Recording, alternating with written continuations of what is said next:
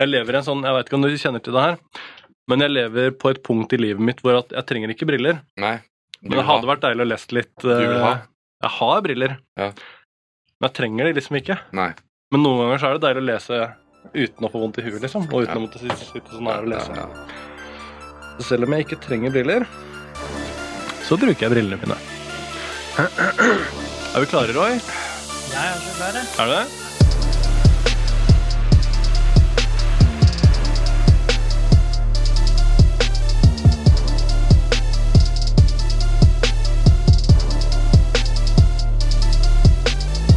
Halvpodden. Eh, takk for at dere fortsetter å se på, eh, og takk for i fjor. Jeg vet det var mange av dere som ble imponert over julespesialen vår. Eh, det er takket være Roy som eh, har drevet med eh, kleppegreiene. Eh, først vil jeg si takk til Rimfrost, Black Diamond og Late Norges tre beste streetwear. Eh, det, hvis du er en eh, liten festival, et band, en eh, kunstner som trenger eh, merch eh, For det, faen, det er der kronene ligger! Det er ikke noe spenn på Spotify lenger! Eh, ta kontakt med Laterator. Laterator.no, eh, tipper jeg. Det burde jeg jo vite, siden det er mitt eh, firma. Eh, vi ordner alt. Eh, og så eh, For dere som eh, ikke har fått det med dere ennå, det er fortsatt ledige billetter til liveshowet. Eh, det er 3. februar på Dunk. Eh, det ligger i eh, nabobygget til Rockefeller. Gjestene er eh, Mira Craig. Alle veit hvem Mira Craig er. Jeg trenger ikke å begynne å introdusere Mira Craig engang. Eh, og Jonas Dømme Kanskje Norges morsomste mann. Eh, I hvert fall Norges morsomste mann som har vært på barne-TV.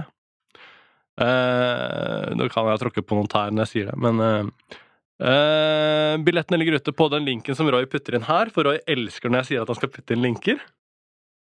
Hvis ikke Roy har lagt inn noen link, så er linken uh, isopod.no. Uh, la meg snurre videre til dagens gjest. Han er forfatter, prosjekt, prosjektleder og tidligere, pod, uh, tidligere politimann. Jeg tar alt det på nytt, da. Dagens gjest er forfatter, prosjektleder og tidligere politimann, men også podcast-host. Eh, han var eh, blant annet politispaner i eh, Oslo politidistrikt og jobbet opp mot ransmiljøet. Og det her syns jeg er veldig spennende greier. Velkommen, Jonny Brenna. Takk for det. Eh, er livet? Jo, det rusler og går. Det har vært litt stille, tenker jeg, sånn periode, men det begynner å gå så litt til igjen. Jeg tror Ja. pandemien har hatt noen innvirkninger på litt av hvert. På det kriminelle, tenkte du på? Nei, på- det er, det er ikke på det kriminelle, men mer sånn type Ja, det skjer ting i samfunnet. Folk begynner å våkne litt opp. På sånn podkast som du snakker om, folk Ja, ja. hører mer, kommer på show. Det begynner å endre seg litt, da. Ja, jeg håper at nå er vi liksom ferdig med det greia der. Jeg krysser fingra. Jeg, skal, jeg er litt forsiktig med å snakke for mye om pandemi på det greiene her. For at um vi som eh, har spilt inn ting i bulk gjennom pandemien Hvis vi snakker om restriksjoner i én episode når den kommer ut en måned etterpå, så er jo det så gamle nyheter at folk er jo drittlei av å høre om det. Men eh, ja, vi får håpe at det holder som det eh, Sånn som det har vært i det siste. Uff. Men ja, du, du gjør jo litt podkast-greier. Ja, vi starter nå. Ja. Sånn at eh, det er jo Erfaringen min er jo å sitte i podkaster som det her. Ja. Og gjennom mange år, egentlig. Sånn, både i ja, Oslo og andre steder. Og, og så får du en erfaring om at ja, ja, nå har jeg fortalt den historien der, og så tenker jeg at eh, jeg sitter med, med det samme nettverket. Jeg sitter med enda flere nettverk. Jeg sitter med, med flere folk som jeg kjenner fra når jeg jobba i politiet, som har en historie. Så da var det med en kompis av meg som tenkte ja, vi starter podkast. Så, nå før jeg kom hit nå, så hadde jeg med en som kjørte meg hit, og som da blir min første gjest, og det var en fyr som jeg da jobbet imot på sentralstasjonen. Han var en av de som vanka på Oslo S i sin tid, da, når jeg var der som eh, politikonstabel i 1989, for å si det sånn. Ja, ja, Det er ganske mange år siden. ja. Så å, fortelle om livet og, og utviklingen og hvordan han har greid seg, da, og klart, og hvordan ting var på det, den tiden der, og det er ganske annerledes enn som det er i dag. Og så ser jo det at det, det er et ganske stort marked. For at uh, vi kom jo med politi og røver, og dødsranet kom jo i 2009, og så er det på en måte aldri gitt seg, og så ser vi at det skyter i vei nå. Ja. Nå er liksom podkast-tida tror jeg er noe av det heteste, egentlig. Mm. Så, så får du til podkasten, så så kan du, kan du faktisk tjene litt penger på det òg, hvis, Ja, ja. hvis det er ønskelig. Så da kommer kommer Brenna, til- Brenna-podkasten kommer. Ja, ja. Ja. Men når det er liksom Når, når det kommer til den historiefortellingsdelen, da Mm. Og det er jo tydelig at det er jo en del av din personlighet. Det å, å liksom eh, dele videre med dine erfaringer. Du må sitte med en jævla katalog! Du må jo liksom ha historier Altså, jeg trodde jeg hadde historier. Jeg har jo ingenting i forhold til det som du må sitte med. Pluss du har nettverket, hvor du kan hente inn historier fra alle de her menneskene. ja, Ja, det er det sånn at eh, jeg må hente inn nettverk. Og så, Ja. så, så merker jo det at når jeg møter gamle eksempel kolleger, da, eller gamle kompiser og fra gammelt da, så har jeg jo glemt så mye. Ja. Glemt, glemt mange historier som er bare Å ja, den, ja. Å ja, den, ja. Du må på en måte få en påminnelse på det. Men ja, altså, det er jo 20 år i politiet. Jeg har noen historier derfra. Men jeg har jo også jobba i TV 2, i mediebransjen. Jobba med uteliv i mange år Mm. i Oslo kommune. og de siste tre årene nå jobba jeg med, med elektroavfallsproblematikk, hvor det er, folk driver og stjal elektroavfall, så de drev og spana østeuropeere.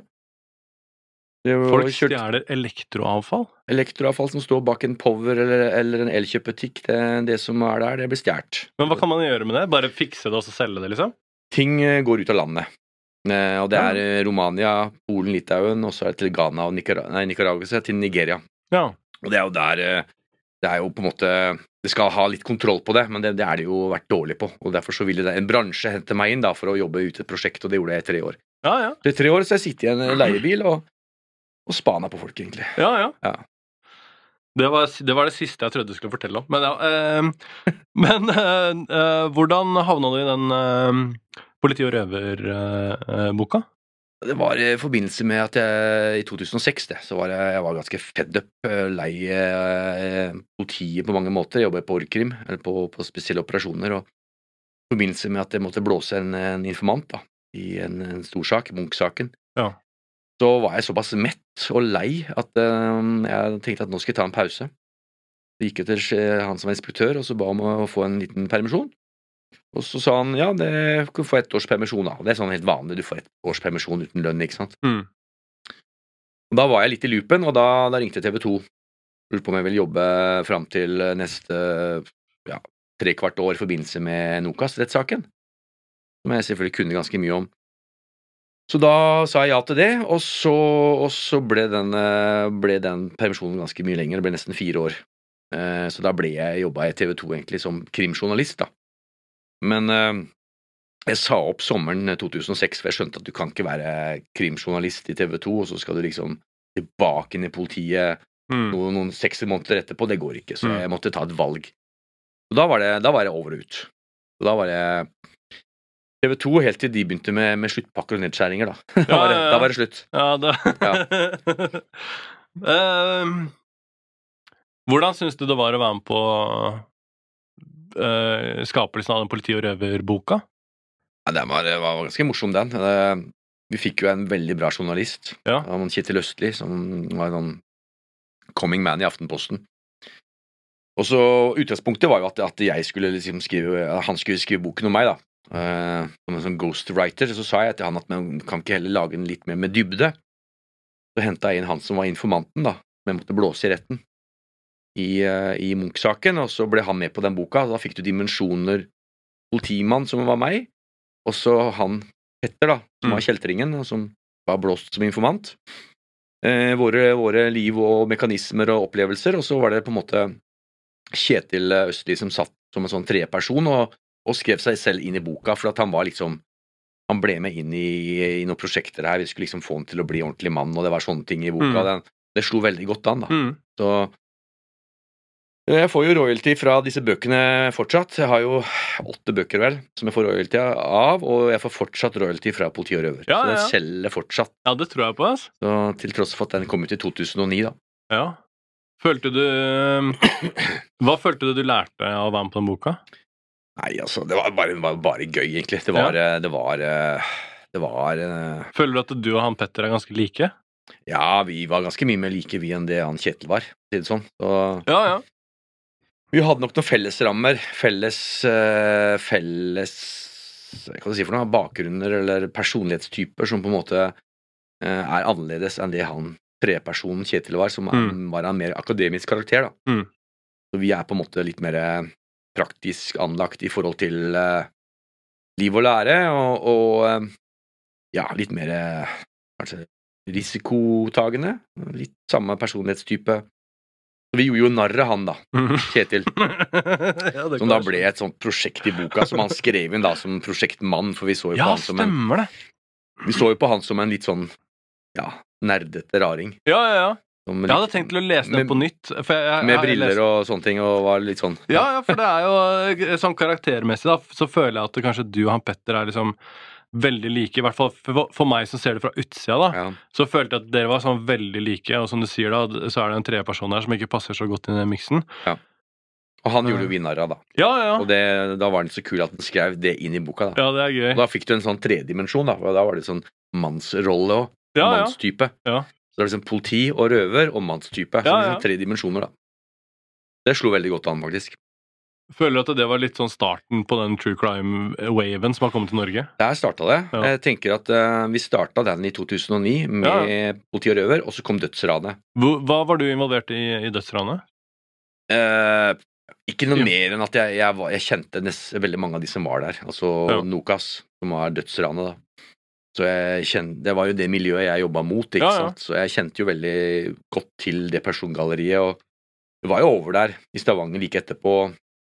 Var jo med å hjelpe til, og var jo, var jo med å pågripe Kjell Alrik Schumann. Mm. Tok jo han på Majorstua her, så, så, så jeg var jo litt med på der òg, men, men, det var ikke det var ikke direkte i etterforskningen. Det var jeg ikke. Mm. Hva var det du syntes var mest overraskende i Nokas-saken? Nei, det mest overraskende er vel at de kunne feil, feilbedømme en rute. Ja. Så til de grader. Ruta skulle jo være kjeks, men det var jo ikke kjeks i det hele tatt. Og klart at Hvis den ruta hadde vært kjeks, så hadde de vært ute og, og inn og ut og vært rike og hatt steinmye penger. Så at de kunne så til de grader feilbedømme den, det, det, det var ganske det var litt sånn spesielt med tanke på den eh, grundige researchen de pleier, eller som Tosca pleier å gjøre. da. Mm. Han ble jo geniforklart, vet du, for han hadde noen gode saker eh, tidligere òg. Da Mm. fikk han jo på en måte mesterhjernetittelen, og da det han sa, ble på en måte god fisk, da. Og Det var vel det som var problemet der borte, for jeg tror du burde ha sett den nærmere på den ruta der. Mm. Var det Var du involvert i den her bankboks-saken som Toska også Jeg har ikke så lyst til å snakke om den, men, eh, vi må vel det. Jeg hadde, jeg hadde, jeg, hadde kilden der òg. Jo da, jeg hadde hovedkilden der. Jeg hadde informant. eh, For å ta den saken der, så hadde vi Det var en, eh, en vekter som, eh, som var informant, som hadde, som hadde blitt rekruttert inn i Stall Tosca, vel. Og, og jeg fikk kontakt med han via noen etterforskere i, i Oslo-politiet, for å håndtere han. Og så kommer det med første informasjon i den høsten før bankbokssaken, det var i 2000 vel, at, at nå skulle de ta medisinaldepotet på Kalbakken. Så da dro vi dit, og så eh, Det regna så jævlig, husker jeg, så la vi oss rundt, eh, rundt eh, eh, medisinaldepotet og kikka, og så stille og rolig, og ikke noe som skjedde. Så kommer plutselig en, en Securitas-bil kjører rundt, og så ser vi tre skygger på taket, og så er det liksom, da vet vi at nå er det i gang. Så lagde vi et skuespill, skuespill på radioen, slik at de, politiet kom og så opp på taket, og så pågrep de da, på fersk gjerning. Eh, da var ikke Toska der, for da var han i en bil rundt. Han ble ikke tatt. Men eh, fortsettelsen av den saken var bankbokssaken på Bryn. Hvor vi da skulle ta den, eh, og den jobba de med lenge. Det er klart, Dette her visste jo jeg da, gjennom kilden, ikke sant. Så vi visste jo egentlig eh, alt, men visste ikke helt sikkert om det var denne eller neste helg. Og så har vi gjort eh, en avtale med Securitas gjennom sikkerhetssjefen og at vi må varsles, da. Denne, dette var jo før høstferien i 2001. Det var to av oss i politiet som lå med mobilen døgn, klar døgnet rundt og venta på at nå er vi klare. Da vet vi at det er god tid. Du skal eh, bore deg gjennom eh, vegger og tak, og så vi tenkte at da tar vi god tid, og så skal vi ta dem på fersken, da, som sist. Og så går alarmen der, og så begynner Og så er det vel en Jernbanegata 1. Og så er det en vekter som da har fått ansvaret for dette her, eller fått høre hva han skal gjøre for noe. Um, uh, at han skal varsle, varsle hvis det er en spesiell adresse, og så spør han hvilke, hvor er Jernbanegata 1. Og den er vel nede på Oslo øst, den? Ok, greit. Gjorde de ikke noe mer? Det var jo oppe på Bryn. Ikke sant? Mm. De har jo, der, der, vi ble ikke varsla. De holdt på i tre døgn, de, å bore. Bore seg gjennom vegger og tak, og, og tok det som var i bankbokser. Og det var jo en fadese, ikke sant? Ja, det jeg leste vi, også at eh, Securitas hadde vært innom der og lagt inn en lapp med at de må rydde opp alt det rotet. og Securitas var der og trodde det var eh, bygningsarbeidere. Det så helt jævlig ut der. Så bare gikk de igjen. At det bare da, eh, Det er det en erfaring, da. at Skal man kjøre, kjøre operasjoner, så må du ha kontroll på alt. Du kan ikke Mm. ha eksterne aktører som skal varsle deg en sånt, og det går ikke. Så det lærte vi der, men det var jo learning the hard way. Så, og det er klart, der fikk eh, Tosca sin, eh, sin tittel Mesterhjernen. For der, ble jo han pågrepet til slutt, da. Og da ble det jo masse eh, styr rundt den saken der. Og, så det er klart, når du da har den saken, pluss um, brenning av kilde, eller i Munch-saken, og så var du litt lei av å stå i retten, og så følte du at det, kanskje ikke den gjengen fikk den prioritet de skulle, så tenkte jeg at da var det godt å få en eh, pause, da. Derfor så tok jeg den pausen. Det er jo ikke så lenge Det er altså 2003, så var det jo I oktober så var det jo på Postens brevsenter òg, rett baki her, Mm. og skøyt, mot politi. Mm. Det var jo Og det var liksom fem måneder før Nokas. Selv da så ble det ikke gjort tatt tak i det miljøet på en ordentlig måte. Så det er klart at da var jeg ganske frustrert. Jeg var pissed, var lei, jeg var frustrert og forbanna, for å si Mm. det sånn. Det var vel så det er ikke sant, Én ting er å blåse kilde i retten, én ting er alt det som har vært før det òg. Så det var liksom prikken over i-en, da. Da tenkte jeg at nok er nok. Mm. Og da var det en sivilist etter det. Savner du det? Jeg savner jo den tida, men den tida er over for alle. Ja. Så klart at uh, dette gjelder jo, gjelder jo journalistikk, eller om det er politi. altså du, Journalister i dag er jo noe helt annet enn journalister for 20 år tilbake. Mm. Uh, vi jobba 24-7. Mm. Arbeidstidsbestemmelser, møkk. Dette var en livsstil, det var ikke en jobb. Det var prestisje å ha disse jobbene. Uh, døgnet rundt på mobiltelefonen, rykka ut, jobba, jobba, jobba. Akkurat det samme som journalister gjorde. Da jeg kom til TV 2 fra politiet, så følte jeg at det var mye av det samme. Mm. Og så kommer den der nye tiden og, og, og tar deg, som er arbeidstidsbestemmelser og turnuser og reguleringer Og Alt skjer på appen og datagreier. alt, alt sånt, og du skal dra kort inn og ut, og det er ikke måte på. Det, og da, så får du, da får du den, Den som vokser opp nå, da, i det her, er jo da en ny generasjon. Mm. Og den generasjonen som du faktisk er en del av Hvis du ser på, nyhets, nyhets, ser på desken, eller ser på en eh, nettdesk f.eks. på TV 2 eller VG eller andre nyhetsbyråer, da, så sitter jo journalistene og, og, og ser om de kan finne nyheter. Mm. Sånn. Mens jeg er jo vant til å gå ut for å finne nyheter. I verden. I verden. Så det er som, det er helt, eh, og vi var jo ute hele tida. Mm. Så det er som en helt ny generasjon basert på den digitale ja, eh, utvikling. Men er det, det er det en um, er det en uh, link til politiet òg? Føler du at politiet også er sånn ikke så operative, men mer sånn på computeren? Det sitter og- mange flere s- tjenestepersonell inne Ja. og på computer i dag. Ja. Det er ikke noen tvil om at det er mye færre operative tjenestemenn. Og det, og det er jo en naturlig utvikling også, for at mye av kriminaliteten styres jo på, på det digitale. Ja, ja. Ja, altså er du, er du gatekriminell i dag, så er du ergo en, en taper. Ja. Eh, hvis jeg skulle ha tjent penger på noe, så ville jeg ha sittet på en PC. Ellers så er jo alt, alt narkotikabasert. ja, ja. Vinning er jo borte. Altså, store vinning, vinningssaker er jo nesten borte vekk, for det er jo nesten Altså, én ting er sikring. Det er jo kameraer overalt. Ja. Kommer deg nesten ikke unna på noe som helst. Og stjele en bil er jo nesten umulig i forhold til før. Ikke sant? Mens eh, sånn at så vinningssakene er, de store vinningssakene er liksom stupt, da. Det er jo narkotika som er eh, fellesnevneren for alt, egentlig. Men si nå at uh, Si at jeg bestemmer meg for at jeg skal bli yrkeskriminell Mm. i dag. Hvor burde jeg begynne hen da? Ja, du er ikke så god på data, sa Nei, jeg er jævlig Så- dårlig på data! Da bør du holde deg unna. Du bør drive med podden din. Åh, så kjedelig! Ellers så Jeg var sikker på at det skulle komme noen bra tips. Nei, da må du ha, må du ha gode nettverk. Ja. Jeg tror ikke du har det.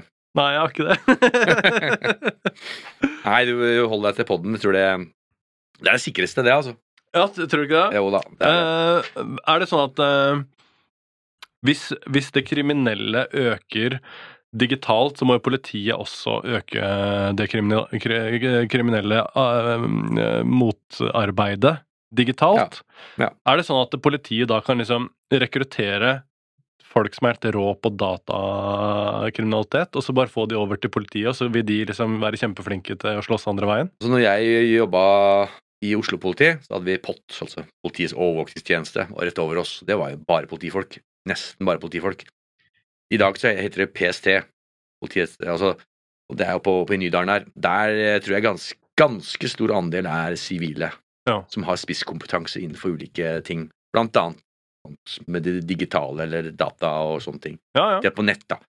Er du, har du gått en, tre år på, på skolen for å bli politi, så, så har du nok andre kunnskaper enn at du har spisskompetanse på disse tingene her. Mm. Alt sånt. Det går jo digitalt. Alt er digitalt. Du skal være på et visst nivå. ja, ja. Åh, Det er ikke noe for meg. Jeg tror ikke jeg kan bli verken politi eller kjeltring. Nei, det er uh... Men uh, hvordan blei du politi? Jeg regner med at ikke du ble rekruttert fra dataskole? Nei, det var dårlig med data den tida. EDB, mener du? Ja, EDB, ja. Jeg har gått på EDB. Ja. Ja, Ja. ja. Nei uh... Ja, vi var langt tilbake nå, altså. Jeg var russ i 84. Eh, Og så gikk jeg befalsskole, og så var jeg ett års plikttjeneste, og så, tenkte, så søkte jeg tre ting. Det som jeg tenkte at der hadde noe å gjøre, det var idrettshøyskolen. Eh, Så søkte jeg også bare en jobb i videre i militæret, som jeg fikk. Eh, Instruktør på et befalskurs, og så søkte jeg politiet. Og så viste det seg at da kom jeg inn på politiet, og da, kunne, da lot militæret slippe, slippe meg, så da begynte jeg på Politiskolen, het det den tida. Og det var en toårs utdannelse. Fra 1986 til 1988. Så var jeg ferdig i 88, så var det ett års plikttjeneste. Og, og, og utdannelsen da var jo betalt. Du bodde jo gratis på, i Parkveien 4 og skole på Majorstua. Så Og det var en veldig sånn enkel skole basert på at du skulle bli en polititjenestemann, da. Det var det, alt var lagt opp rundt det. Altså Til og med engelsken vi hadde, var jo, var jo politiengelsk.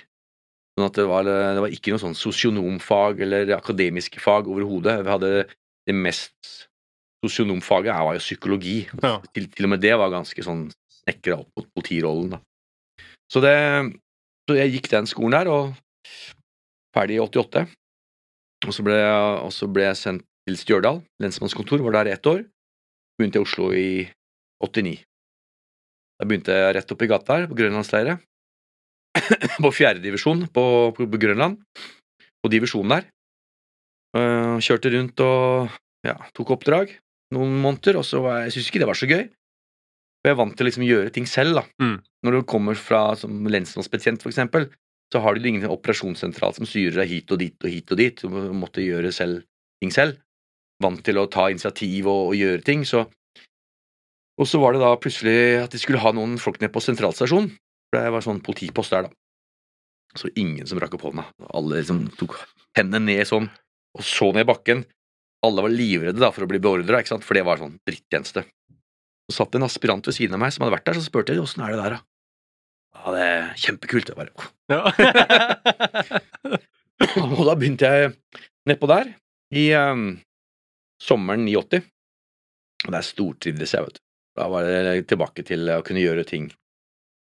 Når, altså, jeg, da var det jo sånn uroversjon light. Da. Det var egentlig å holde Oslo S ryddig, da. mest mulig ryddig for, for det som var av, av kriminalitet. For det, det kokte jo der nede. For det er plat, gamle plata Det var til og med før det. Ja. Så det, da hadde du jo Oslo S-gjenger, du hadde Alt gikk jo gjennom det. Det var varmestue for, for eh, alle, og det var eh, narkomane som var der, psykiatri, rus Det var alt da som samles der nede. Ja. Og der skulle vi på en måte holde dette her litt sånn Hadde kontroll på det, da. Og det var jo, det var jo Og veldig mye jobben var jo i sivilt. Så det var jo det var jo oppi heroin og nar nark narkotika, og det var uh, folk som var klin gærne, og det var uh, Fikk virkelig testa det, da. Ja, Men det var en kjempefin måte å, å lære seg å kommunisere med si, kriminelle. Jeg satt jo aldri inn i en bil. Jeg sto jo ansikt til ansikt med de konstant og kommuniserte, ikke sant. ja, ja. Og det var en, sånn, en, veldig god læring da, for videre, det å kunne snakke med folk, og det å kunne skape tillit, og ikke minst det som kom seinere, det å få informanter. da. Mm. Så det var nok den beste informantskolen jeg kunne få, var å jobbe to og et halvt år nede på Oslo S.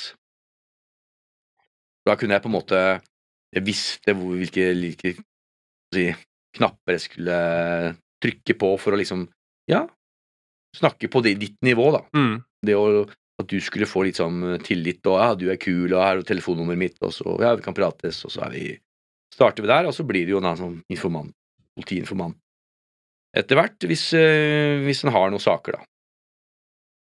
Og da, da jobba jeg vel der til eh, 92, og så var jeg på hospitering på krimmen, og så var jeg tilbake litt orden, så begynte jeg på spaninga i 93. Mm. Og da hadde jeg fått virkelig nytte av den derre de åra på sentralstasjonen. Og da var, det, og da var jeg rett inn i det Tveita-miljøprosjektet. Ja, for du begynte der? Ja. ja. Og det var jo kanskje noe av det hardeste Ja, jeg, som blei i Norge. Ja, ja, ja, så det kan si at uh, i forhold til uh, miljøer som, som var av en viss grad profesjonalisert, så er vel det iallfall det råeste vinningsmiljøet vi har noen gang hatt. Ja.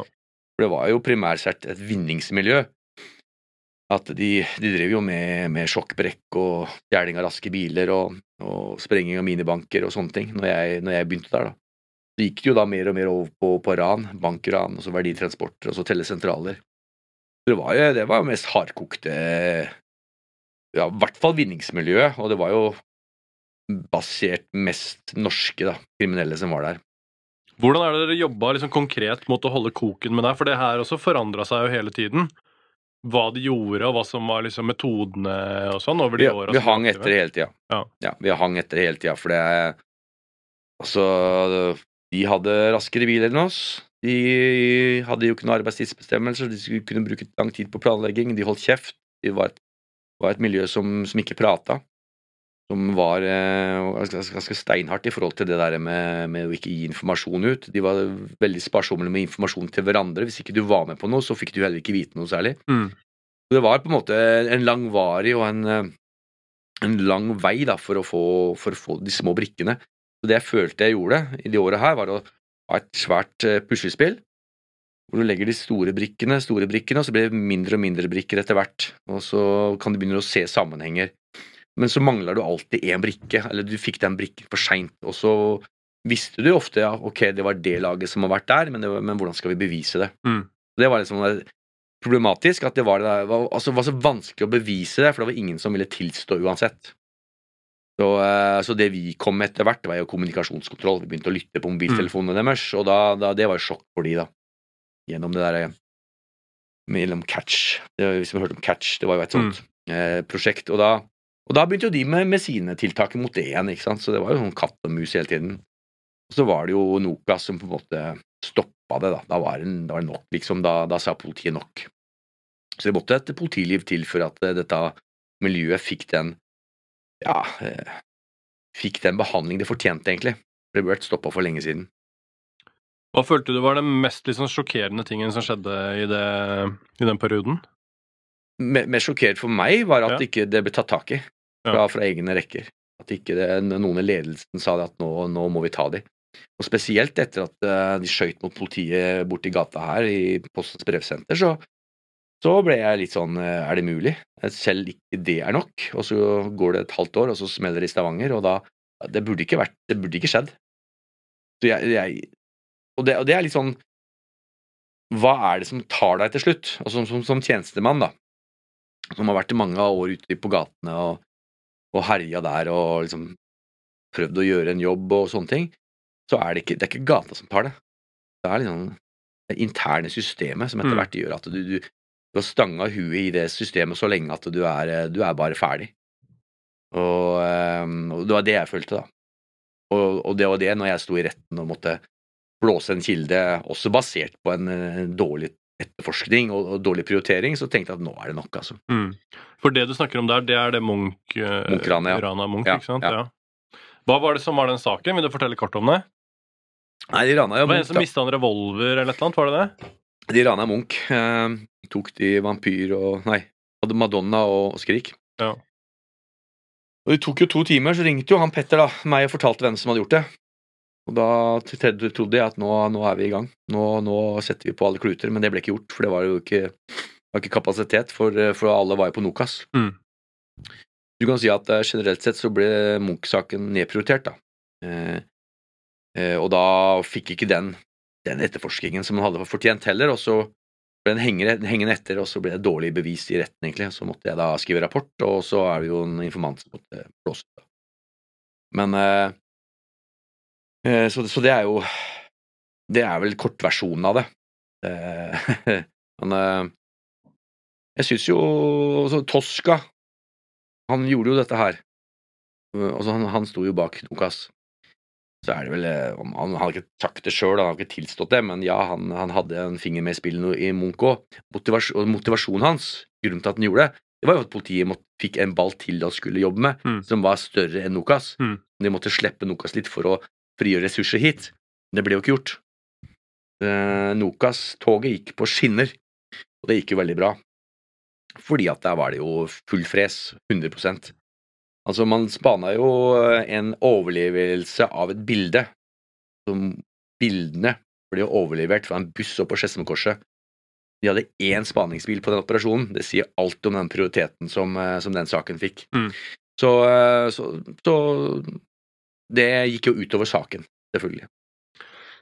Så det er som jeg sier, at det er, det er, til slutt så er det ofte, når du da er i sånne saker og over tid, så blir du ganske Det er systemet du måte eh, som tar deg. Ja, ja. Ikke, ikke det som skjer her ute i gatene. Det, det, blir, det, det, det er i så fall Ja, du blir lei etter hvert. Selvfølgelig, når du har holdt, holdt på med at det er 10-12-13 år, så blir du kanskje litt mett av det, men, men, eh, men eh, det er ofte det interne systemet som, som, som er tyngre da, å forholde seg til. Hvordan syns du overgangen var når du begynte etterpå å skrive bøker og, og jobbe med TV 2 og sånn? Du vet, Det var en veldig liten overgang. Ja. uh, egentlig fordi at eh, det er jo det, det samme du gjør, i stor grad. Du er ute og, og driver med kilder, og, og, men i stedet for å arrestere, så lager du saker på, på TV eller, på, eller skriver, da. Krimjournalistikk. Så, så det, det var gjenkjennelig med en gang. Ja, ja. Så eh, Det var veldig gøy, egentlig. At- Men du følte ikke at du sloss mot det systemet òg? Jo, det kom etter hvert, Ja, du gjør det. Ja, for at- er du en sånn fyr som slåss litt mot systemene uansett hva systemene er? Nei, Nei? jeg, er veldig- veldig- nei, nei, jeg er ikke det. Altså, jeg har, eh, jeg har tenkt på det sjøl, men, eh, men eh, jeg, jeg har en sånn Jeg har en CV, da. Masse sånn Jobba der, der, der, der, der, der, der. der. Og, og så har jeg attester for alle. Det er ikke ett sted hvor jeg er, ikke har en god CV. Ja. Så jeg, vil ikke se det, men, eh, men, men klart eh, Det som skjedde i, i TV 2, da, for eksempel, det var jo Jeg kom eh, fra politiet hvor det da, de hadde begynt å strukturere og stramme inn på ting og litt dårlige budsjetter og sånne ting. Og så kom jeg til TV 2, og så var det som om jeg skrudde tida fem år tilbake i politiet, Mm. hvor det var Happy Times. Vi snakker om 6, det er 2006, og da var det, det var, eh, som sagt 24-7, ut og jobb, vi jobber til saken er ferdig. Eh, 21-nyhetene, stå og se på head, klappa, det var en god sak, ikke sant? Ut og jobbe, jobbe. Så, sånn var det jo, sånn som vi holdt på i politiet. Eh, og sånn var det jo med når det var journalistikken som var liksom prioritet. Journalistikk, ikke økonomi. Ja. Så kommer det da en økonomi, da, sjef, eller en som blir direktør i TV 2, som er økonom. Da begynner alt dette her. Forsvinner noen leiebiler, forsvinner goder, det koster penger. Kutte, kutte, kutte, strukturere, turnuser. Én begynner på en sak, nestemann som kommer på, må overta saken, gå videre. ikke sant? Du begynner å kappe, kappe, kappe i goder. Og det er det som skjer i, i, i jobber generelt sett nå, for at alt dreier seg jo om økonomi. Mm. Og så kan, jeg, så kan du se på jeg hva slags kvalitet, da. Hva er det, hva er du, hva er det du serverer for noe? Jeg må si det at eh, eh, jeg ser på ulike nettsider og, og TV og VB-er og ting som går på TV nå, så jeg bare tenker fy faen, dette hadde ikke gått på TV engang Mm. når vi holdt på. Mm. Hva, hva dette her er for noe. Men det er, det er mye sånn derre kjapp, kjapp, kjapp, kjapp. Alt er så fort. Eh, det hvis du går på dagbladet.no nå. ja, det er helt forferdelig. Så går en rullerende sånn der Akkurat nå, CNN akkurat nå, akkurat nå. Akkurat nå så er det noen på Ex on the Beach som har vært fulle på TV og sagt noe greier. Ja, du vet. Og det er jo egentlig ikke nyheter i det hele tatt. Og det er akkurat som om det er fuckings Det er krig i Sverige, da. Det er så mye oppmerksomhet det får, og så er det bare sånn Det er en eller annen fyr du aldri har sett før Ja. engang, som har vært på TV og vært full, Og liksom. det har jo med klikk, klikk, klikk, klikk. Ja, Og så ja. er det den som får klikk, får reklamepenger og tjener penger. Ja. Og har du dybde, så, så koster det penger. Ja. Og det tar lang tid. Så at, eh, jeg syns det er en veldig uheldig utvikling i mediebransjen da, at det er blitt sånn. Eh, men jeg, jeg fikk på en måte den godtida, da. I de første to åra i TV 2 var godtid. Eh, hvor, det, hvor det var lite av det der, der. Men så kommer det da eh, han som er, blir ny sjef, etter Vale Broch. Vale Broch var journalist, så kommer inn økonomi, økonom, og så får vi dette her. Og det, det går utover motivasjon, det går utover eh, ja, det du kan eh, eh, Rammene, hva du kan gjøre. Og det blir, går utover eh, egentlig hva du får, får eh, ut av, i kvalitet. Mm. Og det ser du jo i dag. Jeg syns det er så mye møkk og dårlig journalistikk. Og dessverre, men Dagbladet det ser jeg ikke på. Jeg åpner, Nei, er jeg, og jeg åpner ikke den nettsida engang, for Nei, det er bare tull. Ja. Var det ikke var det kraftkommentar, eller? Nei, det er, Nei, det er- helt innafor. Og, og, det, det, er trist, det er trist å se det der ærverdige gamle Dagbladet, hva det er blitt for noe. Men Men, men sånn, sånn er utviklinga blitt. Ja. Så Altså, det er jo noe med Ni av ti saker er noe som hadde kanskje vært i Se og Hør ja. for 20 år siden. Ja. Men det er jo samme redaksjon. Dagbladet og Se og Hør. Ja, nei, det er, ja, det er, det er mer enn hva jeg har noe greie på. på. vet du hva? Det er, som en gammel eh, VG-mann der, jeg må si at jeg, jeg må skryte litt av VG. Uh, og den har jeg, Hvis jeg skal vite noe, se noe, og det er noe med, med viss integritet, så, så, så syns jeg VG faktisk har holdt den godt og like. VG.no er min favorittnettside for å, hva er det som foregår i Norge i dag. Det skal du ha. Denne episoden er faktisk sponsa av VG. VG. ok, la oss eh, kjapt Jeg må spørre om en kjapp til. Ja. Um, uh, jeg har hørt fra en liten spurv at du har vært med på Hotell Cæsar, er det sant? Ja, jeg var skuespiller der, jeg. I et, et par episoder. Ja, Hva er det du spilte for noe? En, sesong. Eh, Kjeltring. Ja, det kjempegøy. Hvordan endte det opp med det? Ja, det var, eh, vi var på vorspiel på Nei, nachspiel var det. På et, Ja, en bursdagsfest på Aker Brygge med noen folk som var innenfor Cæsar eh, Cæsar-huset der. Så spurte om jeg ville Hvis jeg ville fikk eh, spørsmål om en rolle, ville du ta det? Så jeg ja, ja, ja, sa jeg. Det, det jeg ikke visste, var at eh, en uke etterpå så fikk jeg en rolle. Ja. Selvfølgelig. Da hadde jeg sagt ja, da. Så da, da, ble, det, da ble det en sånn kjeltringrolle, da. Det var gøy. Ja, det var moro. Ja, det var gøy. Ah, det høres ut som en sånn drømmescenario, å liksom endelig kunne bare få leve ut den der motparten litt grann eh, der, da. Ja da. Jeg kunne tenkt deg gjort mer fiction. Ja, det var skuespillere. det har vært gøy. Så det er klart at eh, alt som har vært innenfor kjeltring eller politi eller røver, da, Ja, ja. det skulle jeg ha greid ganske greit. Hva hadde vært drømmerollen din? Nei uh, Spilt meg sjøl Ja. som, eh, som eh, i en sånn ransfilm eller 90-tallsfilm. Det hadde vært kult. Da blir det jo politi, da. Ja, ja. Ja. ja, ja. Eller, eller motparten, egentlig, for det, det, er, det, er stor, det er ikke så stor forskjell, egentlig. Nei, det er vel bare hvem som betaler lønninga, er det ikke det? Ja, du kan si at uh, det er vel loven som skiller oss. eh, og så er vi I hvert fall den tidens politi og røver var vel litt mer ja, litt mer likhetstrekk enn eksempel i dag, da. Ja, ja. Husk på at eh, når vi ble rekruttert inn i politiet, så var det jo ja, at du var stor, eller forholdsvis stor, robust.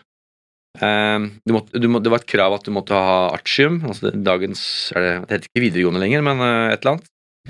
Eh, du måtte ha, som mann måtte du ha militærtjeneste, og var over 18, 19 eller 20 eller sånt noe. Og da var det jo Jeg var som proto, da. Eh, videregående, eh, befalsskole, plikttjeneste, politi. Det var sånn.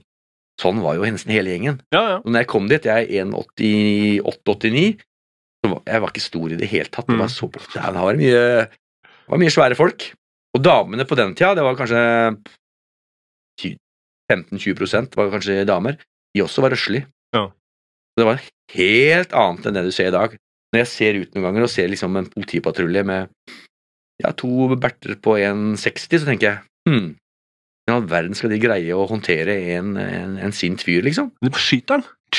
Ja, det er, ja kanskje det, men, eh, men det, er, det, er, det, er, det er en annen tid, altså. Ja, ja. Det er klart at de- det er blitt en høyskole, og når du da må ha 5 eller 5,1 i snitt for å komme inn da, på høyskolen, så betyr jo at du får et helt annet segment av eh, persongalleri enn det som var i gamle dager, som var mer basert på egner du deg som polititjenestemann eller -kvinne?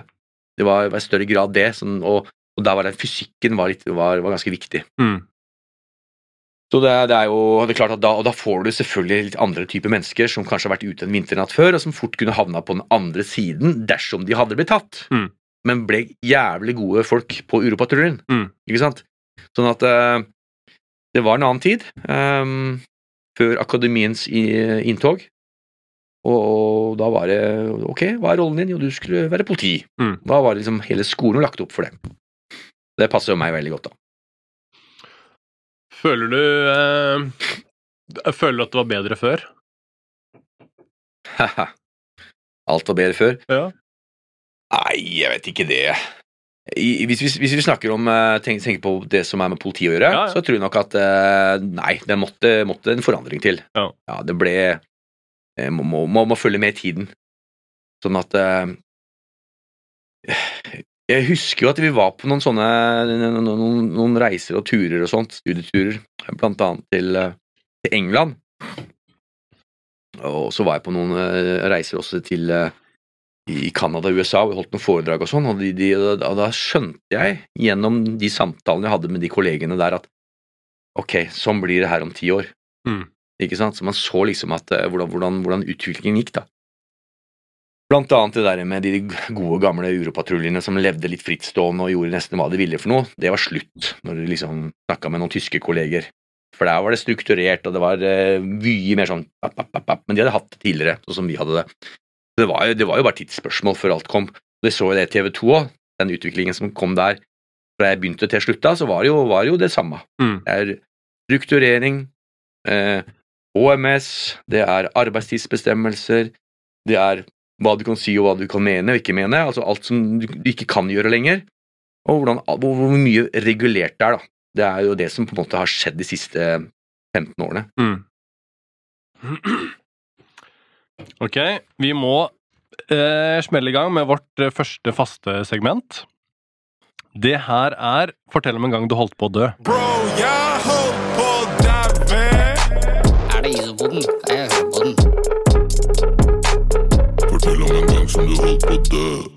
Fysisk holdt på å dø, eller bare holdt på å dø sånn Det er veldig oppe for tolkning. Se. Og noen kjører en sju-åtte historier på rappen. Nei, altså, jeg har vel aldri vært i dødens dal. Altså, jeg har jo vært eh, Når guttunge satt på møne på et svær låve og hadde falt henne der, så hadde jeg daua, men eh, det gjorde jeg ikke. Eh, en annen gang så var det Vi var ute og pågripe en fyr som eh, Så fikk jeg tak i huet hans i, eh, i døra, og så begynte han kjørte, han begynte å rygge og kjøre, og så kom kollegaen min, og, og, og jeg holdt på å skvise mellom to biler. Men kollegaen min greide å, å ratte unna så jeg ikke ble skvist. Der kunne jeg kanskje ha dødd. Ja, ja. Um, en som ble litt gæren og dro fram en kniv en gang. Men han stoppa. Han hadde en lang, lang kniv sånn der, og skulle liksom stikke, men så fikk vi roa ned. Der kunne det gått gærent. Der man holder på å dø, tror jeg generelt sett, det er vel i ulike situasjoner i trafikken, kanskje. Mm. Tror jeg de fleste har en eller annen form for erfaring at oi, her kunne det gått gærent. Mm. Så jeg tror at uh, uten at jeg har noen klare historier der, så er det vel, det er vel der, der jeg faller, da. Ja, ja. Ja. Jeg vet ikke hvor mange ganger jeg har holdt på å dø i trafikken, men det er mange flere ganger oftere enn jeg har blitt, eh, holdt på å bli knivstukket. Ja. Jeg holdt på å krasje i går, jeg. Jeg punkterte på vei fra Göteborg i går. Mm. Kunne ha daua der, men jeg, jeg har sikkert kunnet daue i hvert fall ti ganger i trafikken som jeg kan komme på nå, som er sånn helt Krasja i Grand Canyon en gang. Mm. Jeg har eh, Faen, jeg av Mercedesen min i sommer, jeg. Så ja, der er du nok inne på noe. I trafikken er litt trafikken, farlig. og ja. klart, sånn som vi kjørte òg, da. Med, vi- var jo over 200 i hver uke, i hvert fall. Mm. I, I ulike sammenhenger. Ja, I hvert fall hver uke vi hadde over 200 på speedometeret. Men er det sant at eh, hvis den dere jakter på, kjører for fort, så må dere slutte å følge etter dem? Nei, det var en, en risikovurdering hele tida. Oh, ja. Sånn at det er klart at hvis de går over stokk og stein, så får du beskjed om å, å slutte. Ja. så det var jo veldig sånn eh, før òg, at eh, var det ikke kontroll på det Det er det jo aldri på en biljakt uansett, så, så, så, så ble det fort stopp, altså. Det gjorde det. Så det var om å gjøre å Det var ekstremt viktig, da. For den som var eh, pikett, den som sitter og holder eh, instrumentet og, og melder til eh, at han hadde rolig stemme og Ja. vi kjører bak, det er 180 km i timen, vi har full kontroll. Gjør. sånn. Ja. Hvis det ble skriking her, Ja. så ble det stopp med en gang. Ja. Og da banna alle. Ja. For da var det sånn, da, da var det som var gøy, og ble slutt. ja, ja. Da, og så måtte du måtte roe ned, du prøve å finne igjen. Men der var det vel, hvis vi liksom tar det tilbake til den uh, politi- og røverboka Han Petterov var vel sånn getaway driver-type figur, var det ikke ja, det? ja, de kunne kjøre bil. Ja, ja. Så det var jo øh, veldig Så man jakter jo på noen som på en måte er litt sånn topptrente Ja, ja. innafor det på, samme. På det segmentet der så hadde vi ikke sjans. Ja. Jeg husker jeg ble, vi hadde en Opel Vectra, sånn vanlig bil. Tjenestebil, da, men med blålys, og så lå vi bak en, en femserie, husker ikke hva det var for noe, men jeg, jeg kunne med blotte øyet si at den kjører ifra oss. Ja. Jeg kunne se det. Den hadde vel, øh, og så hørte jeg noen av motparten som hadde vært i den bilen, hadde vært rundt 300. Ja, fy faen. Da, du har ikke sjans. Du har ingen sjans i havet uansett. Hva er det forteste du har kjørt? Nei, det veit jeg ikke, men jeg, som sagt, over 200 har jo, var jo stadig vekk, da. Det, bil, det var det bilen gikk. Da blir, da blir, blir veien ganske smal. Ja, det skal jeg love deg. Ja. Jeg har kjørt i 200 én gang på eh, eh, i en ja, Toyota Yaris Yaris, ja. på autobahn. Autobahn, ja. ja. Og der er det lov òg. Der er det sånn at du må nesten du må liksom gynge for å få den der akkurat eh, Nei, ja. Ja. Nei, drit i det. Ehm, la meg ta ett spørsmål til før vi går til vårt andre faste segment. Ja. Det er eh, Ja. Eh, eh, det her er ikke sikkert du har lyst til å snakke om, men det har jeg lyst til å snakke om. Uh, du har skrevet en bok som heter Operasjon Phoenix, Ja. hvor du beskriver et ran. Ja. Og så skjer det ranet seinere. Hvordan er det? Du, vet, du, må, du må ikke gå i detalj rundt liksom, hva som faktisk skjedde. og sånn da. Det som skjedde, Ja. det er ganske morsomt, for den, den, det ranet som vi snakker om, det var på Gardermoen. Mm. Og det var en, en, en valutatransport, flytransport, Mm. fra Sveits utas skulle tas med masse valuta. Og det var Og den skulle, man skulle kjøre inn eh, om klippe gjerder, skulle kjøre, kjøre inn på terminalen, altså, eller der hvor flyene står, og så skulle man rane på, når dette her var på vei fra fly og inn i en uh, pansra bil. Det var jo en plan i ransmiljøet Mm. rundt 2000 som var, som jeg visste om. Og så når vi skrev Operasjon Phoenix 2012 eller 2013 rundt der, så, så, så tenkte vi hva er det som skjer i samfunnet? Og jo, nå er ransmiljøet på vei å slippe løs igjen til Nokas. Nå er det på vei ut. Og hva kan skje da? Jo, nå vil de ta opp gamle planer. Og da beskrev vi den ransplanen i boka. Og så kom jo Metkel Beter Negassi ut noen år seinere. Han har tydeligvis ikke lest boka, da. Så han tar jo opp den planen, han. Ikke sant? Så han har jo, han har jo bare henta en gammel plan, han, som vi har beskrevet i boka. Sånn at, sånn at Det var det som ble litt rart og morsomt her, da. At, eh, at jo, identisk som den planen som BTV formentlig skulle ha, det var jo en gammel plan, men den er, tidligere, den er jo beskrevet. Eh, han blir jo ikke dømt for det, så vidt jeg vet, men, eh, men uansett så, så var det en, eh, en reell plan som, som, som var en sånn skuffeplan som miljøet hadde, da, og der var det masse penger. Og det var reelt. ja, ja. Ja. Det var ikke vi som uh, satte liksom Nei, for det var det som var spørsmålet mitt. eh, var ikke, vi, vi, var ikke, vi var ikke høna eller egget, altså. Vi, Nei, var, nei. vi var egget, da. Dere var egget. Ja.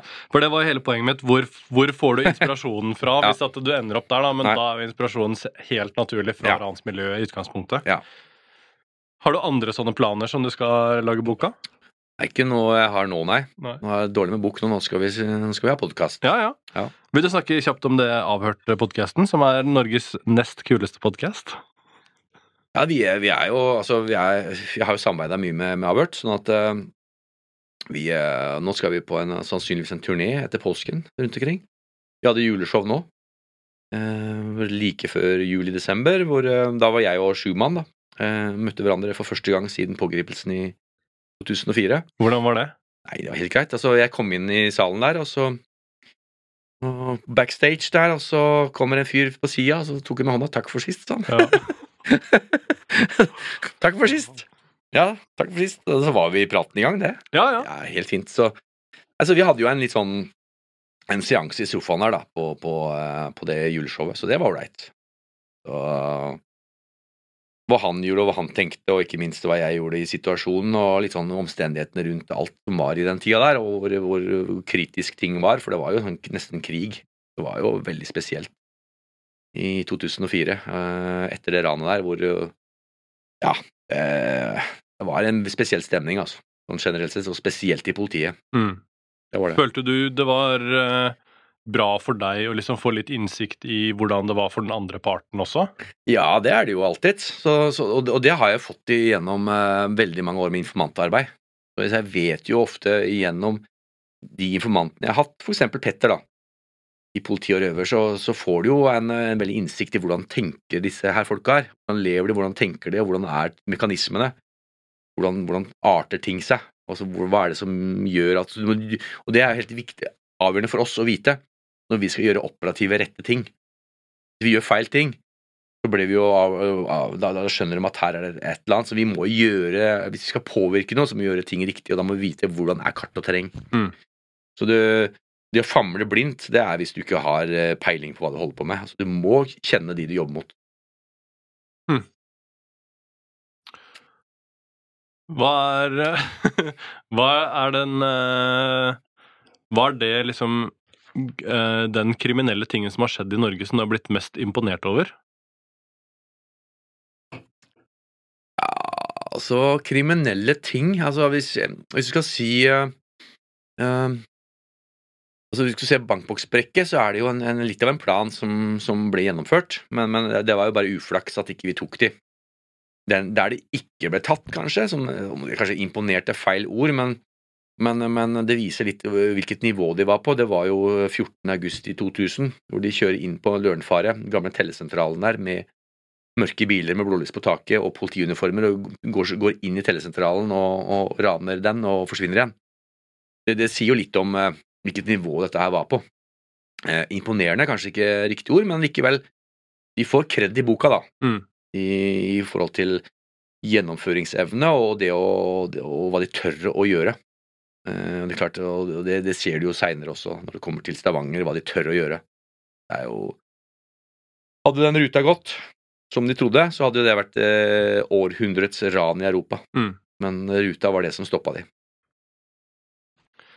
Eh, hvis du skulle gjøre det perfekte ran, hva hadde du gjort da? Eller det går kanskje ikke nå lenger, da. Nei, Men si for 20 år siden, da. Hvis du skulle gjort det perfekte ran for 20 år siden. Ja, jeg hadde vel gjort et eller annet av det samme som de gjorde. Ja. Ja. Tellesentral eh, Ja, du måtte opp på et, et nivå hvor det var mye penger, og da må du på et uh, tellesentralnivå. Måtte du nok tatt en sånn en. Ellers blir det småpenger så, i miljøet der. Hvis du, hvis du raner hvis du, er, hvis, altså, du er kanskje fem ranere, da. Og så står det i hvert fall minst kanskje doble bak her og skal ha provisjoner og penger. og, og så må ha, altså det det, Du må ha ganske store penger for, å, for, at, hver enkelt skal kunne tjene seg rike. da. Mm. Og det var jo det som var meningen i i Noka, altså århundrets ran. Det skulle, liksom, det skulle sette standarden. Og det var ruta som var avgjørende. Hva er favorittfilmen din? Hit. Visste det. Jeg skulle sagt det først! Jeg skulle sagt Hvorfor er Heat favorittfilmene? Er det, fordi at det er jo den typiske sånn der, Og det er en av favorittfilmene mine, òg, Men der har du den der veldig sånn hvor, hvor politi og røver Ja. det kunne, Du kunne nesten ha switcha det underveis. ja. Det, eh, er, type jeg, det, var sånn at man kjenner seg igjen, da. ja, ja. Ja. Hvor realistisk er det? Ja, altså, altså Det er nok ganske realistisk, Ja. sånn eh, i forhold til uh, altså, um, De folka her er, er uh, Kunne ha skifta roller, men loven skiller, eh, og det er litt sånn if you Så du må kjenne noen for å ta noen. Og, du, og da, da, da er det ofte at man har en, eh, visse referanser som er like, da. Iallfall de beste operative politifolka jeg kjenner, da fra eksempel eh, spaning og operativ etterretning og, og uropatrulje og sånn, ja, det har vært folk som på en måte har vært eh, har, har talenter, da. Operative talenter og kommunikative talenter, eh, og, og er flinke på den måten der. Og jeg skal love deg, de har ikke fem i snitt, altså, Mm. på skolen. De er langt, langt unna det. Mm. Så det er eh, så, det- Og det er klart at det, det er jo litt av det samme som motparten har. De ressurskriminelle, for å si det på den måten, de, de er det samme. Mm. De kan være ressurser innenfor kriminalitet fordi de også har disse talentene. Eh, ok, så eh, Jeg må spørre om én ting til da før vi går til neste faste segment. Ja. Hva er Norges beste rapper? Jeg vet, ikke, skal du spørre meg om rap? Ja, men det er jo så gøy! Det er jo nesten gøyere å spørre deg. jeg, jeg er hører jo ikke på rap. Nei, det ser du. Uh, altså, det er jo Karpe, det hører du på hele tida. Ja. Men jeg er liksom ikke noe Karpe-fan heller. Nei, det er Men det er det du hører si. konstant. Ja, ja. Og det var det, Den rappen som jeg syntes var, var kul, som jeg hørte på, det var Eminem. Sånn typisk hvitmanns gammel rapp. Ja, ja. Jeg, den, synes, den hørte jeg mye på når, jeg, når, han holdt på i sine gamle dager. Så innmari kul musikk. Så det, det, det, den den syns jeg er bra. ja, ja. Men hva som skjer i rappmiljøer og hiphoper og alt mulig sånt i dag, det har jeg ingen, ingen formening om.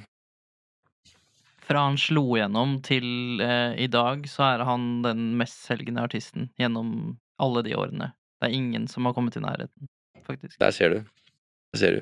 Og fortsatt. Han er fortsatt på liksom topp ti-lister over mest hørte i Ja, det, er, det, er, det, er, det den beste. Du skal ha favoritt, det er Eminem. Ja, ja. Ja, ja, ja. ja helt klart. Men jeg er litt mer sånn uh, hardrock, um, heavy metal. Jeg vet, liker litt Ja. mer den der tunge gitaren og. Ja, ja, ja. ja, ja, ja. Jeg liker- det er- Alle er forskjellige. Ja, ja. Ok, la oss eh, snurre videre til vårt eh, andre faste segment. Roy blir så glad når jeg plutselig er nærme mikrofonen og han må skru ned lyden. Eh, det her er Hva er din favoritt-tatovering?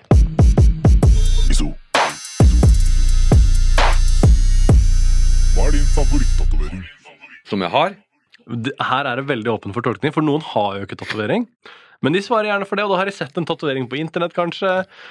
Noen eh, forteller om at de har sett en som har tatovert på seg Ray-Bans. Eh, Ja. Olli Wermskog fra Kongen befaler fortalte om at han hadde vært på en eh, sydentur en gang hvor han var ute på fylla med en brite som hadde endt opp med å tatovere en Supermann-logo midt i panna, blant annet. Det er jo lættis.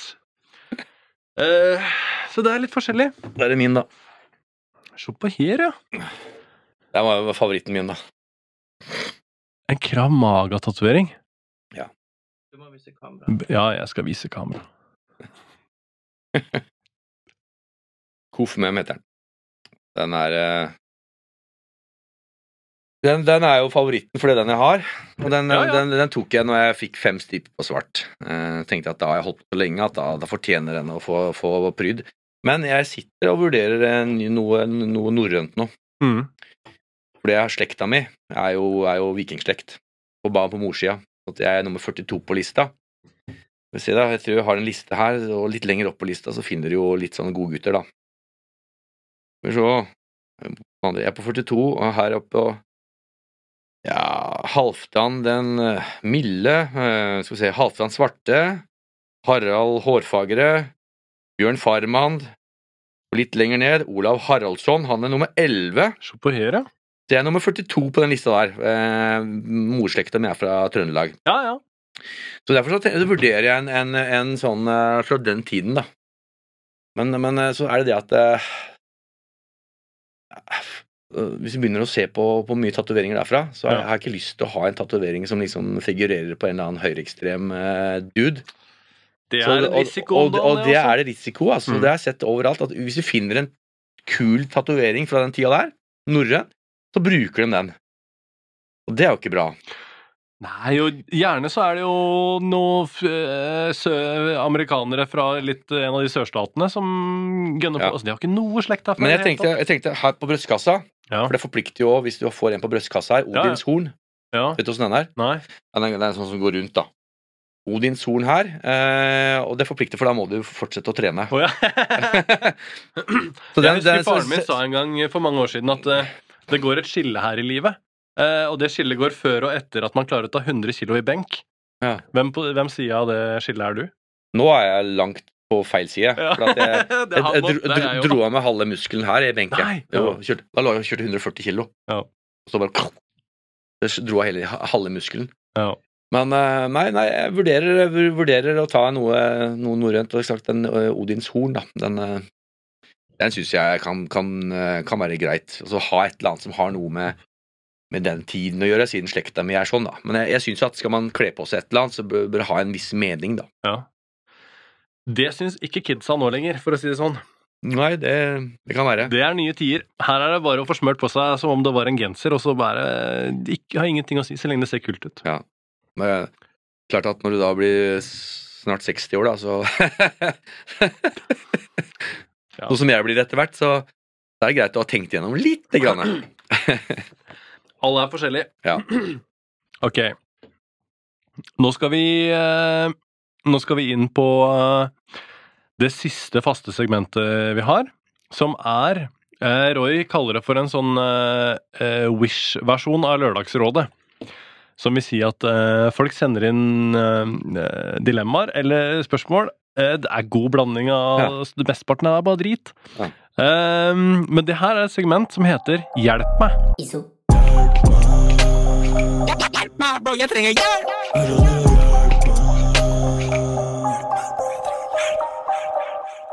Og der har- jeg har sortert det sånn at du har fått tre av de spørsmåla.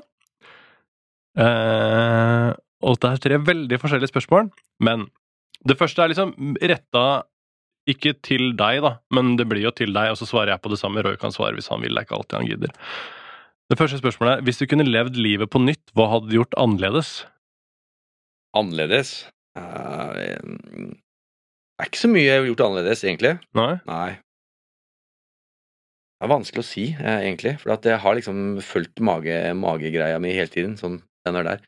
Men det er klart at i forhold til det jeg har holdt på med, og styra med, og i forhold til, eh, til eh, den risikoen jeg driver med i forhold til eh, yrke og alt annet, så er det kanskje, kanskje jeg skulle vært ungkar. Mm. jeg vet ikke. Man, eh, ja, altså jeg har tenkt litt på det noen ganger. Altså, Ja, ja. Man har jo liksom levd et spesielt liv, og, det, og kanskje ikke det er det, det best familiære, da. Ja. Det er vel det kanskje som Men jeg vet ikke om det hadde vært til det, bedre. Det vet jeg ikke. Nei, for jeg føler litt at mitt svar er litt i samme gata. Ikke egentlig, men mitt svar er kanskje Jeg skulle vært en bra pappa litt tidligere. Det er Ja. mitt svar. Ja. Jeg kunne godt vært en bra pappa enn fem-seks år tidligere. Det hadde vært eh, greit. Ja. Det er klart at den, den, den jobben som jeg hadde, var jo ikke forenlig med det, et familieliv. Mm. Det kan jeg si med en gang. Så der burde, jeg burde kanskje ha tenkt meg litt om der, da. Men eh, det er jo ikke noe sånn at man ville ha valgt de bort heller. Men det er liksom Det har ikke helt, helt passa sammen, for å si det Mm. sånn. Det er det ikke. Og så er det noe med den derre Liksom alt det som skjer Det er litt klisjé, da, men alt det som skjer, er jo er på en måte sånne små trappetrinn da, mot den personen man er nå. Så hadde, hadde alt vært annerledes, så hadde jo alt vært annerledes. Ja. Så det hadde jo vært et helt annet liv, så det, Mm. det er vanskelig å se for seg. Veldig men, eh, vanskelig, egentlig. Så, som, men sånn karrierevalg og liv ellers og sånt, så, så hadde jeg gjort det samme. Ja, ja. Ja. Hva hadde du gjort, Roy? Gjort mer som, eh, som deg, tror jeg, når du sier det med magefølelsen og sånn. For det er, jeg tror det er noen mennesker som jeg burde Sånn hvis jeg skal se tilbake nå, som ikke burde ha hengt med like lenge. Stolt mer på magefølelsen. Ja, ja. Og det er nok en sånn en eh, erkjennelse av at eh, jo, hu, jo mer du bruker huet, eh, jo mindre bra blir det ofte. Og hvis du kjenner på magefølelsen og lar den styre litt mer, så tror jeg at det går, det går bedre. Gjør det. Det er et eller annet som sitter der. 100 Mm. Uh, Neste spørsmål er veldig konkret. Det er Jeg er forelska i kompisen min. Burde jeg si det? Det er jo det eldgamle spørsmålet som alle har hørt før. Hvis du er forelska i kompisen din, eh, du kan godt si det, men da er ikke kompisen din lenger. Eh, og da kan det gå begge veier. Eh, hvis jeg skulle bestemme, så hadde jeg sagt eh, ikke ta risikoen. La kompisen din være kompisen din, og så ikke si det. Hva tror du, Jonna? Jonny? Nei, jeg hadde sagt det. Hadde du sagt det? Ja, da får du ta risikoen. Eh, si det. Og enten, Fight for love? enten så går det ikke bra, eller så går det bra. Istedenfor å sitte der og være forelska og ikke få Altså, det, det jo ikke, blir jo ikke noe særlig. Nei, jeg har dratt på, jeg. Hva sier du, Roy? Jeg slenger meg på den, altså. Ta sjansen. Kjør på! For første gang så er jeg han som ikke er gun på, liksom. Det er, ja, ja, det er heftig. Ok, la oss ta det siste spørsmålet. Det er uh, Hvordan kan jeg være snillere mot meg selv? D eh, ja, Ved å starte ved å ikke være så hard mot seg selv, først og fremst. Altså ikke finne feil hele tiden ved ting du gjør. Ikke på en måte fokusere på de negative tingene. Det er et bra sted å starte, tror jeg. da. Mm. Ja, det er vanskelig å si, men uh, klart at det er noen morgener du har våknet opp der og du har drikket litt for mye på en kveld uh, kvelden før, så burde du kanskje gjøre noe med det. Et par mindre av det. Hvis du skal være snill mot deg selv som menneske og fysisk, så Ja, jeg har kjent på det noen ganger. Ja, ja. Det blir jo veldig eh, konkret, da, men det er jo deilig. Det er jo Ja. eh, litt mindre drikking, Ja, det tror dra på trening, Ja.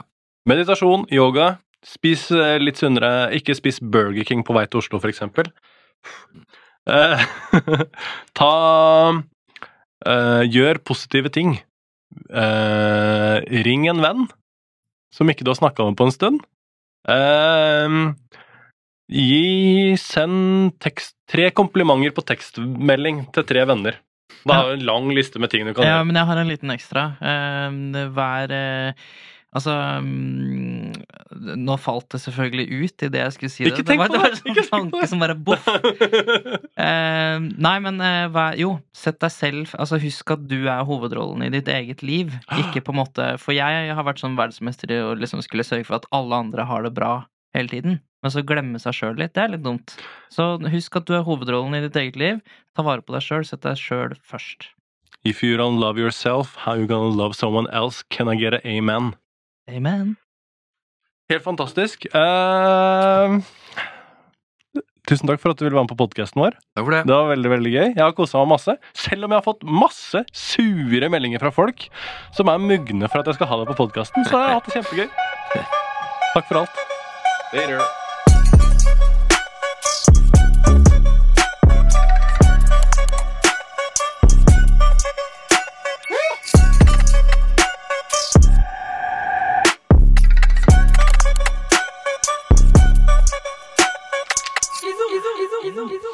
For alt. Jeg syns det var kjempegøy. Ja. Har du sett den serien på Netflix som heter Money Heist? Nei. Papirhuset på norsk. Og La Casa de Papel. Eh, Det handler om at de bryter seg inn i Hva kaller man det? Mynt... eh, Holdt jeg på å si myntfabrikken, jeg. Det er rett og slett der hvor de lager pengene. Hvor Ja. pengepressene står, i Spania. Mm. Ja. Så bryter de seg inn der. Og så lar de de pengepressene stå og gå, og så holder de noen gisler. Så de holder det her gående da, i, liksom, i mange, mange dager, mens de da printer penger som de da skal stjele de pengene som blir printa. Ja. Så de tar, de tar liksom ikke noe penger som er der fra før, de lager nye penger som de stjeler. Er utrolig innvikla Det er nesten sånn der når du tror du skjønner hva som foregår, så er det noen andre karakterer som holder på med noe annet i kulissene som du ikke vet helt ennå. Mm. Veldig, veldig bra. Jeg tror kanskje du hadde likt det. Ja.